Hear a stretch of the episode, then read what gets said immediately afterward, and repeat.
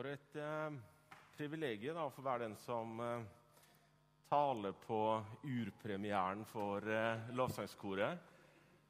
Jeg kom sånn at jeg fikk høre litt av de her på morgenskvisten i dag, og jeg syns det var fantastisk bra. Kjekt å høre dere synge. altså. Det blir gøy å se fortsettelsen også.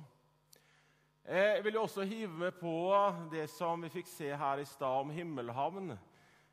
De har gått og surra ganske mye på på, hjemme hos meg eh, de, de, par dagene her etter at eh, skiva deres ble sluppet på fredag. Og det er så fantastisk. Noen av sangene hadde kjennskap til fra før med en annen melodi, men kjente teksten. Noen tekster var helt ukjente. Men så velsigna vi Jesu menighet, som har mennesker som Gud har utrusta på en sånn måte at de kan skape sånne type ting. Så jeg også vil bare gi min tilslutning til 'Jeg vil gjerne eie ei tru', som plata deres heter. At prøv å få tak i han, eh, og lytt igjennom han, du også. Det er riktig som Elisabeth sa, jeg heter Jan Egil, er 43 år, er gift, har tre barn. Eh, vært gift i 23 år med den samme kona. Og Yrkesmessig så er jo da en ekspastor, men jeg opplever meg ganske pastoral på innsida.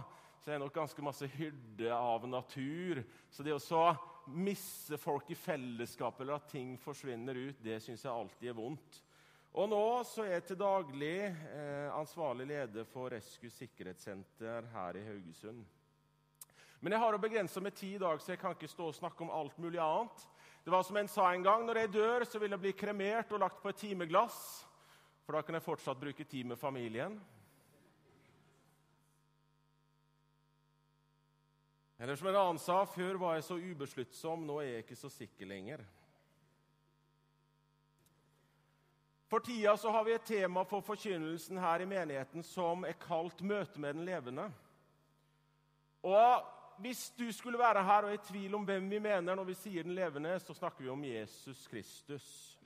Og Vi har jo nå nettopp feira påske, og påske er ikke bare en påminnelse om det som en gang skjedde, men det er en feiring av det Jesus Kristus gjør i dag.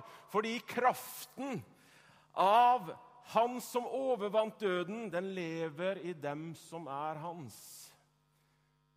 Vi feirer at han er levende i dag. Og Jesus Kristus han er midt iblant oss akkurat nå. Og jeg har en forventning om at han vil tale til oss ved sin hellige ånd. Hvilken forventning har du? Hvorfor er du her i dag? Er du her fordi du alltid pleier å gjøre det, eller har du en forventning om at han faktisk taler inn i livet ditt og kanskje har noe å si til deg i dag? Da jeg fikk temaet og fikk teksten, så måtte jeg jo gjøre meg noen tanker rundt hvordan møter vi den levende i dag versus det som disiplene fikk gjøre da, som fysisk var sammen med han, som så han med sine egne øyne. Jeg måtte gjøre meg noen tanker rundt det her. Hvordan møter vi levende? Og da måtte jeg tenke gjennom hvordan var min egen opplevelse, hvordan var mitt møte med Jesus den gangen da jeg tok et valg om å følge ham. Og er ikke en sånn person som husker verken klokkeslett, dato eller årstall, eller hvor gamle faktisk var da det her skjedde. Jeg vet Noen har det veldig nøyaktig, men jeg er ikke en sånn person. Så jeg vet at jeg var tidlig i tenårene. Jeg vet at jeg var på Bjoli i Midt-Norge, at det var et arrangement der. Og så vet jeg at det skjedde noe den ene kvelden. Det var noe som rørte ved meg, som gjorde at jeg måtte gi en respons. Jeg måtte ta et valg. Det var min opplevelse.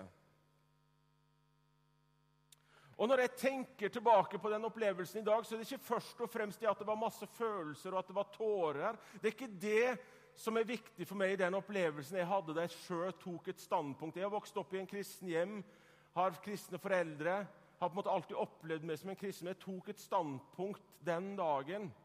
Og Da er det ikke alle følelsene jeg husker, men jeg opplever det som en en gang sa, at da jeg tok imot Jesus, så var det som om jeg sjøl ble rulla til side, og så flytta han inn. Det skjedde noe på innsida. Det ble en forandring på innsida. Det ble en skjellsettende opplevelse som skapte en forandring som jeg kunne ta igjen neste gang jeg hørte min far, som da var pastor, talte. Så var det ikke fullt så kjedelig lenger. Det var som det var noe på innsida som forsto mer av hva det her gikk i. Og så ble jeg da en annen person. Nei, jeg ble ikke en annen person. Mistet jeg kontrollen over meg sjøl? Nei, på ingen måte.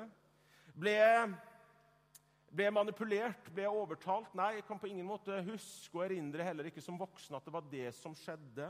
At det var noen som satt og messa innover med at nå må du gjøre det her. Det var ikke en sånn opplevelse. Ble jeg over natta en snillere, mer omsorgsfull og hyggeligere person? Nei, jeg ble ikke det. Jeg var ganske mye den samme personen. Men i årene etterpå så har jeg forsøkt å ta etter etter det eksempel som Jesus gir meg i Bibelen. Jeg på en måte forsøker å ta skritt for skritt i det å bli mer lik han. Og Jeg leser om det i Bibelen, og så finner jeg også det samme når jeg møter menigheten, når jeg møter kristne venner, brødre og søstre, at det er noe der som jeg ønsker å strekke meg etter.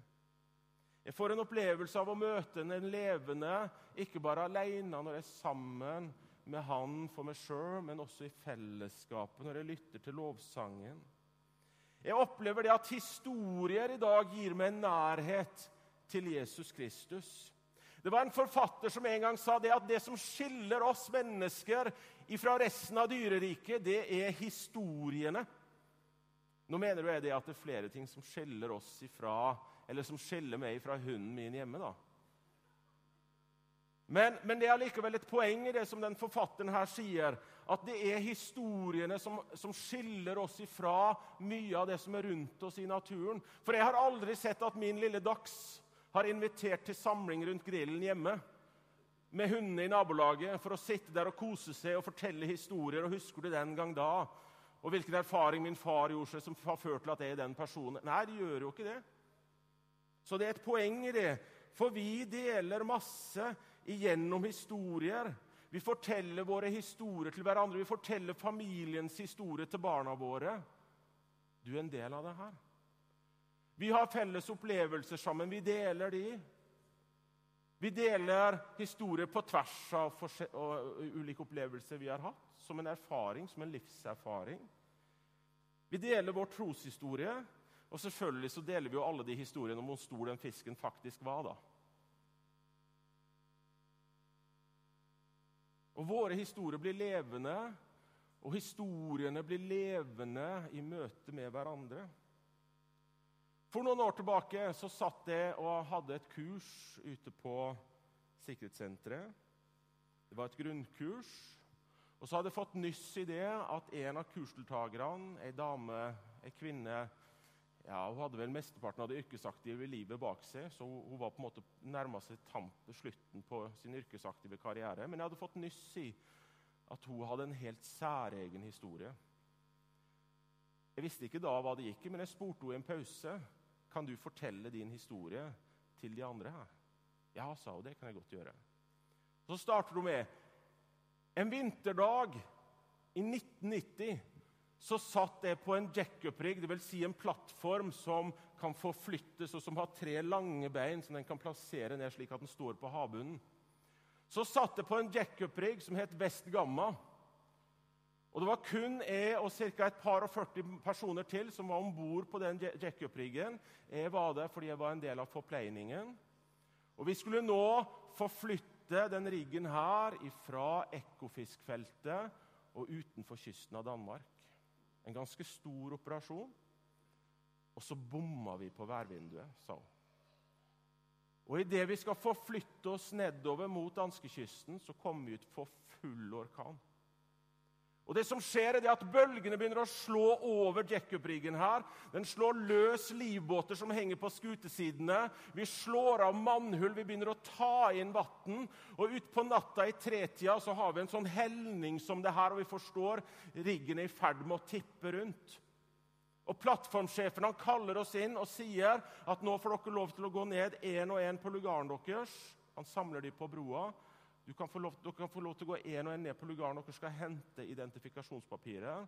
og Så skal vi samles igjen her oppe så fort som mulig. Og så forteller Hun hun gikk ned på lugaren sin. En kraftig helning, sier hun på jackup-riggen. Hun kjenner at åh, jeg er så fryktelig varm. Hun har på seg redningsdrakt. Så hun tar av seg redningsdrakten sin, hiver av seg klærne sine, hopper i dusjen. Hun har dårlig tid, men hun gjør det her. Hopper i dusjen, tar på seg nye klær. Og så var Hun veldig stressa, fortalte hun, fordi hun klarte ikke å få den store hårføneren sin ned i toalettveska. For av en eller annen grunn så tenkte hun at den måtte hun ha med.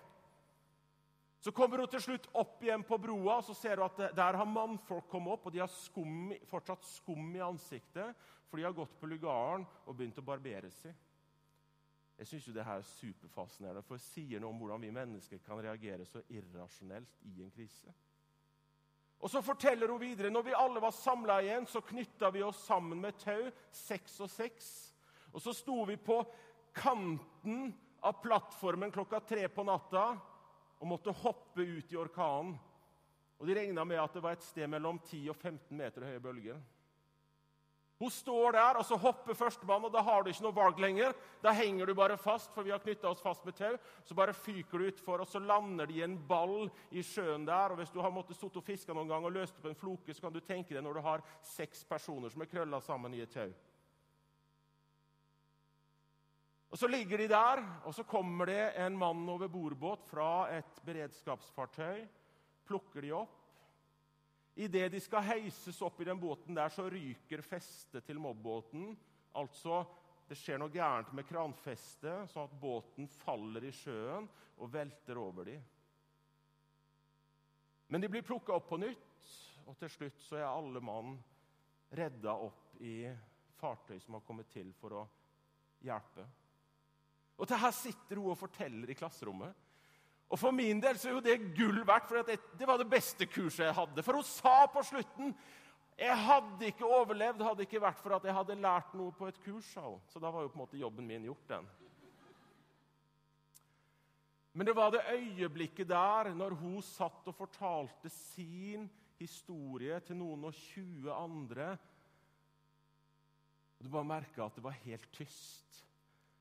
Det her var ikke noe som hun fant på. De, de skjønte det på en måte at det her er ikke noe som hun har fantasert om. Hun har opplevd det, og hun fortalte det. Og det talte rett inn i livene. For våre historier de blir levende i møte med hverandre. Beklager at jeg må trykke sånn på den her. Jeg glemte å skru, slu, slå av den skjermspareren. Og Den historien har jeg tatt med meg fordi at ja, det var ikke en historie i en kristen kontekst, men den var likevel så sterk at den berørte meg. Den sa noe som har ført til at jeg har tatt den med meg. Så vi kan bli berørt når mennesker forteller sin historie. Samtidig så skriver vi også historie hele veien. Jeg sa det jeg har vært gift i 23 år. Og da jeg gifta meg i 1995, i februar 1995 så vet du hva? Det fulgte ikke med noe bruksanvisning. Jeg fikk ikke noe instruksjonshefte.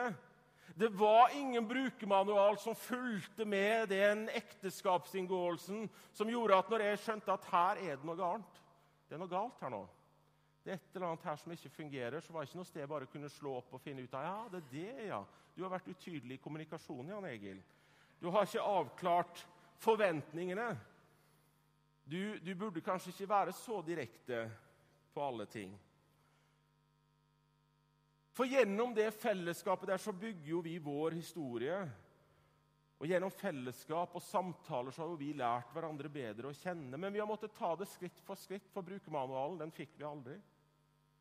Og For meg da, som er introvert føler, som ikke da liker egentlig at følelsene skal være så voldsomt på utsida, i hvert fall ikke hele tida, så har det vært en prosess da, det å så lære å sette ord på mine følelser i møte med en særdeles varmblodig og levende kvinne. Jeg har vært nødt til det. Og I de 23 årene her så har vi skrevet vår felles historie, og den har blitt til i møte med to levende. Og dagens tekst, da. Vi må jo ta den. Jeg har ikke sagt ennå hva som er dagens tekst. Nei, fra Johannes kapittel 20 og vers 24 til 31. Og jeg syns den har så mange spennende momenter at jeg har lyst til å lese hele teksten. Og Den begynner da i vers 24, sånn som det her. Thomas, en av de tolv, han som ble kalt Tvillingen, var ikke sammen med de andre disiplene da Jesus kom. Vi har sett Herren, sa de til ham, men han sa, dersom jeg ikke får se naglemerkene i hendene hans og forlenge fingeren i dem og stikke hånden i siden hans, kan jeg ikke tro. Åtte dager senere var disiplene igjen samla, og Thomas var sammen med dem. Da kom Jesus mens dørene var lukket. Han sto midt iblant dem og sa, 'Fred være med dere.' Så sier han til Thomas, 'Kom med fingeren din.' Se, her er hendene mine. Kom med hånden din og stikk den i siden, stikk den i siden min, og vær ikke vantro, men troende. Min Herre, min Gud, sa Thomas. Jesus sier til ham, fordi du har sett meg, tror du. Salig er de som ikke ser og likevel tror. Jesus gjorde også mange andre tegn for øynene på disiplene, tegn som ikke er skrevet om i denne boken. Men disse er skrevet ned for at dere, for at vi, skal få tro at Jesus er Messias, Guds sønn, og for at vi skal få tro i hans navn. Hva finner vi i teksten her? Jo, Vi finner ulike typer mennesker. Thomas er jo en erketype av enkelte personer som jeg av og til tenker på. Han minner meg om en person, han skyter fra hofta, han er sta, han er egenrådig. Selv om alle andre sier at det her er sant, så nei, nei, nei. nei. Jeg må se med egne øyne. Vi vet det, for det er jo det som jeg jobber med til daglig at hvis det hadde brutt ut en brann her nå, og brannansvarlig eller dørvaktene, møtevertene, hadde sprunget og sagt det brenner, så hadde de aller fleste her reagert og sagt ok, da må vi følge de. Og så hadde det vært noen som hadde tenkt i alle fall det her må jeg se før jeg tror det. Sånn er det. Noen er av den personligheten at de må se med egne øyne. De kan ikke bare ta for god fisk hva andre har sagt. Vi finner også i teksten her et konkret behov. Thomas sier det. Jeg må få kjenne. Det holder ikke bare å vite, men jeg må få kjenne, jeg må få se, jeg må få erfare. Og så inneholder teksten et direkte svar. Jesus sier, ja, 'Kom med fingrene. Kom og kjenn.' da. Ta på det. Han, han gir han et direkte svar tilbake.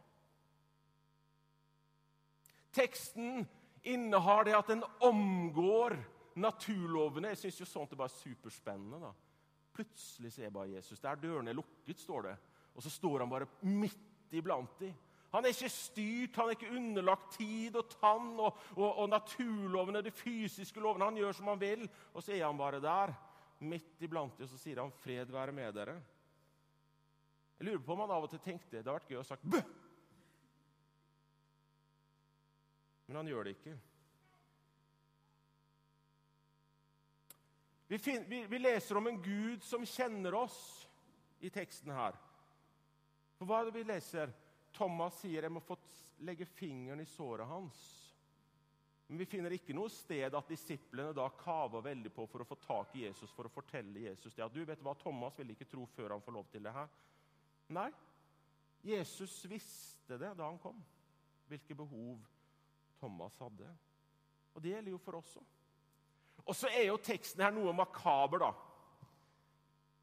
Det, det å komme på noe sånt Du vet hva? For at jeg skal være sikker på at du er den du er, og, og, og at du faktisk er såra, så må jeg få lov til å kjenne på det. Jeg må få ta på det. Jeg kunne aldri verden ha tenkt meg det. Jeg hadde ikke slått meg inn engang at jeg skulle ha tatt på noen andre sitt sår. Jeg har nok med mine egne sår. Tåler de så vidt. Men det å skulle vært interessert i noen andre sine sår og fysisk ta på Nei, på ingen måte et behov for meg. Jeg syns det er litt makabert, men det var det han spurte om. Det var det han hadde behov for. Men så innehar teksten det som jeg syns er så fantastisk med den teksten her. Det er det at den heier på oss. Jesus heier på det. Han heier på det som tror på ham, som følger ham, men som ikke får se ham. Jeg har fulgt Jesus noen år nå, men jeg har ikke sett han fysisk med mine egne øyne. Jeg har fått sett han, jeg kan gjenkjenne han i andre mennesker som jeg treffer. Jeg kan ha en opplevelse av han når jeg kommer sammen i menighetsfellesskapet eller alene hjemme, men jeg har ennå ikke fått sett han med mine egne øyne. Men mitt hjertes øyne catcher han. Men Jesus heier på oss. Han heier på det som følger han, og som kjenner av og til åh, det er krevende, det her, far. Jeg skal tro på det, og så og så er det av og til så, så fjernt kan føles. Men han heier på det. Han løfter det fram, og så har han gitt oss sin Hellige Ånd, som skal forherlige Jesus for oss, som skal være med å styrke troen i livet vårt. Så den teksten her, den har tvil, den har begeistring, og den har fornya tro. For Thomas han ville gjerne eie ei tru, men det ble for vanskelig. Jeg kan se for meg Thomas når han kommer sammen med de andre disiplene, så sier han, 'Ja, jeg forstår dere sier det.' 'Ja, jeg skjønner det at Jesus skal ha stått opp.' 'Men jeg kan ikke tro før jeg med egne øyne har fått sett og sjekka at det faktisk er han.'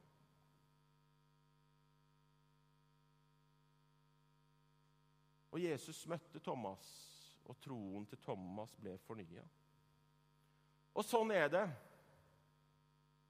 Min tro og din tro Det er ikke en konstant størrelse, men den kan svinge. Den kan falme, den kan være levende, den kan bli utydelig, den kan skape begeistring. Den kan havne i bakgrunn av alt det som skjer i livene våre.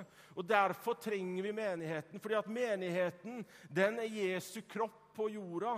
Som det står i Efeserne, alt la han under hans føtter, og ham hodet over alle ting ga han til kirken, som er Kristi kropp.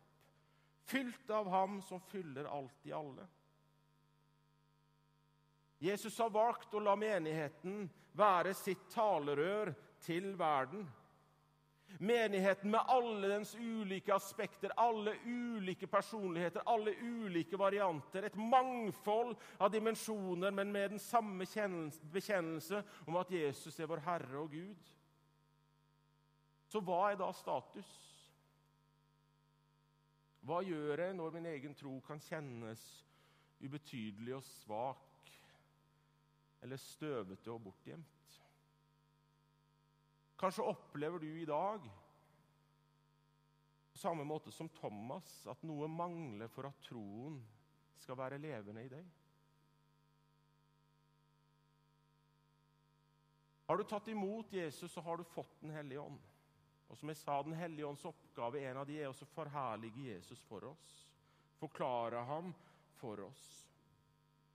Og Det kan godt være at du sitter her i dag som er som de andre disiplene vi leste om her, som har begeistring over at å, vi tilhører Jesus, og han lever. Hvordan skal vi på en måte leve som menighet i den krysningen her der noen alltid vil være der hvor troen kanskje ikke er det som er det kjekkeste i livet, mens vi samtidig har de hvor troen er det største i livet? Og vi lever i den spenningen der som menighet, for at vi er mennesker. Vi er på ulike steder i livet. Kan vi hjelpe hverandre? Kan vi ta skritt sammen for å dele troen? Thomas fikk kjenne på sårene til Jesus. Kan vi dele vår sårhet og vår sårbarhet med hverandre for å være ærlige på hvordan livet faktisk er. Jeg husker da jeg satt på sykeleie til en av de eldre som var en del av menigheten her for noen år tilbake. Og Personen hadde da hatt et langt sykeleie og kunne nesten ikke se lenger, skimta kun forskjell på lys og mørke. Og var, vel, var helt klar i hodet. Og så sitter jeg der ved siden av den personen her. Og så, så sier personen, 'Vet du hva, jeg skjønner ikke. Han ser jo at jeg er klar. Hvorfor kan jeg ikke få komme hjem?' Nå, nå, nå, har jeg på en måte kommet til veis ende her. Kan vi ikke liksom bare avslutte nå? For nå ser jeg inn. Hun så med sitt hjertes øyne. Hun så inn i det der framme. Kan jeg ikke få lov til å komme dit? Hvorfor lar hun meg fortsatt vente? Jeg var fascinert. Jeg satt der. For På den ene sida så, så Jesus klart med sitt hjertes øyne. Og på den andre sida så var det en sårhet i her. Hvorfor kan du ikke bare ordne det? Må jeg ligge her lenger nå? Kan vi ikke bare liksom, Du ser jo at nå er jeg klar for å ta skrittet over. Og for min del, da Det at hun var så ærlig, det var jo en styrke for min del. Så fikk sitte der og bare Ja, det er sånn livet er. Livet er en miks av at troen er levende, og at det også kan være en sårhet oppi det hele. Kanskje det kan være en styrke for oss, at vi kan dele det. Jeg vet ikke. Jeg bare tenkte på det når jeg satt og jobbet med teksten her, at Jesus viste sine sår til Thomas. Og kanskje vi kan styrke hverandre ved at vi også kan våge å vise våre sår til hverandre. Jesus er her akkurat nå. Torfinn spurte meg før gudstjenesten vil du si noe om sangen. Da jeg satt og forberedte meg, så, så lagde jeg en sang. Og så tenkte jeg den sangen her skal ikke jeg synge sjøl, men jeg skal gi den ut, og så skal noen andre ta den videre. For jeg er sånn person sjøl vet at sang, lovsang, kan ofte komme lettere gjennom mitt filter enn bare ord. Er dere skrudd sånn sammen at det musikalske trenger fortere gjennom mitt filter som stenger en del ting ute. Og Jeg har lyst til at vi skal få høre den sangen nå. Og så ber jeg om at den skal få tale inn i livet ditt. For jeg håper at vi i forlengelsen av det her kan få være med og betjene deg. Hvis du kjenner det, at troen min den er ikke der jeg ønsker at den skal være, kan ikke vi få være med og be for dem? Velsigne dem om at den skal få lov til å blomstre i livet ditt. At du skal få visshet i det at vi ser ikke, men vi tror. Og ved ham så får vår tro liv. At i ham så får vi møte fred, vi får møte sannhet, vi får møte framtid og håp. At det kan få være en realitet. Ikke fordi at jeg skal være så flink med mine ord, men fordi at han er til stede akkurat her og nå og ønsker å møte oss. Vær så god.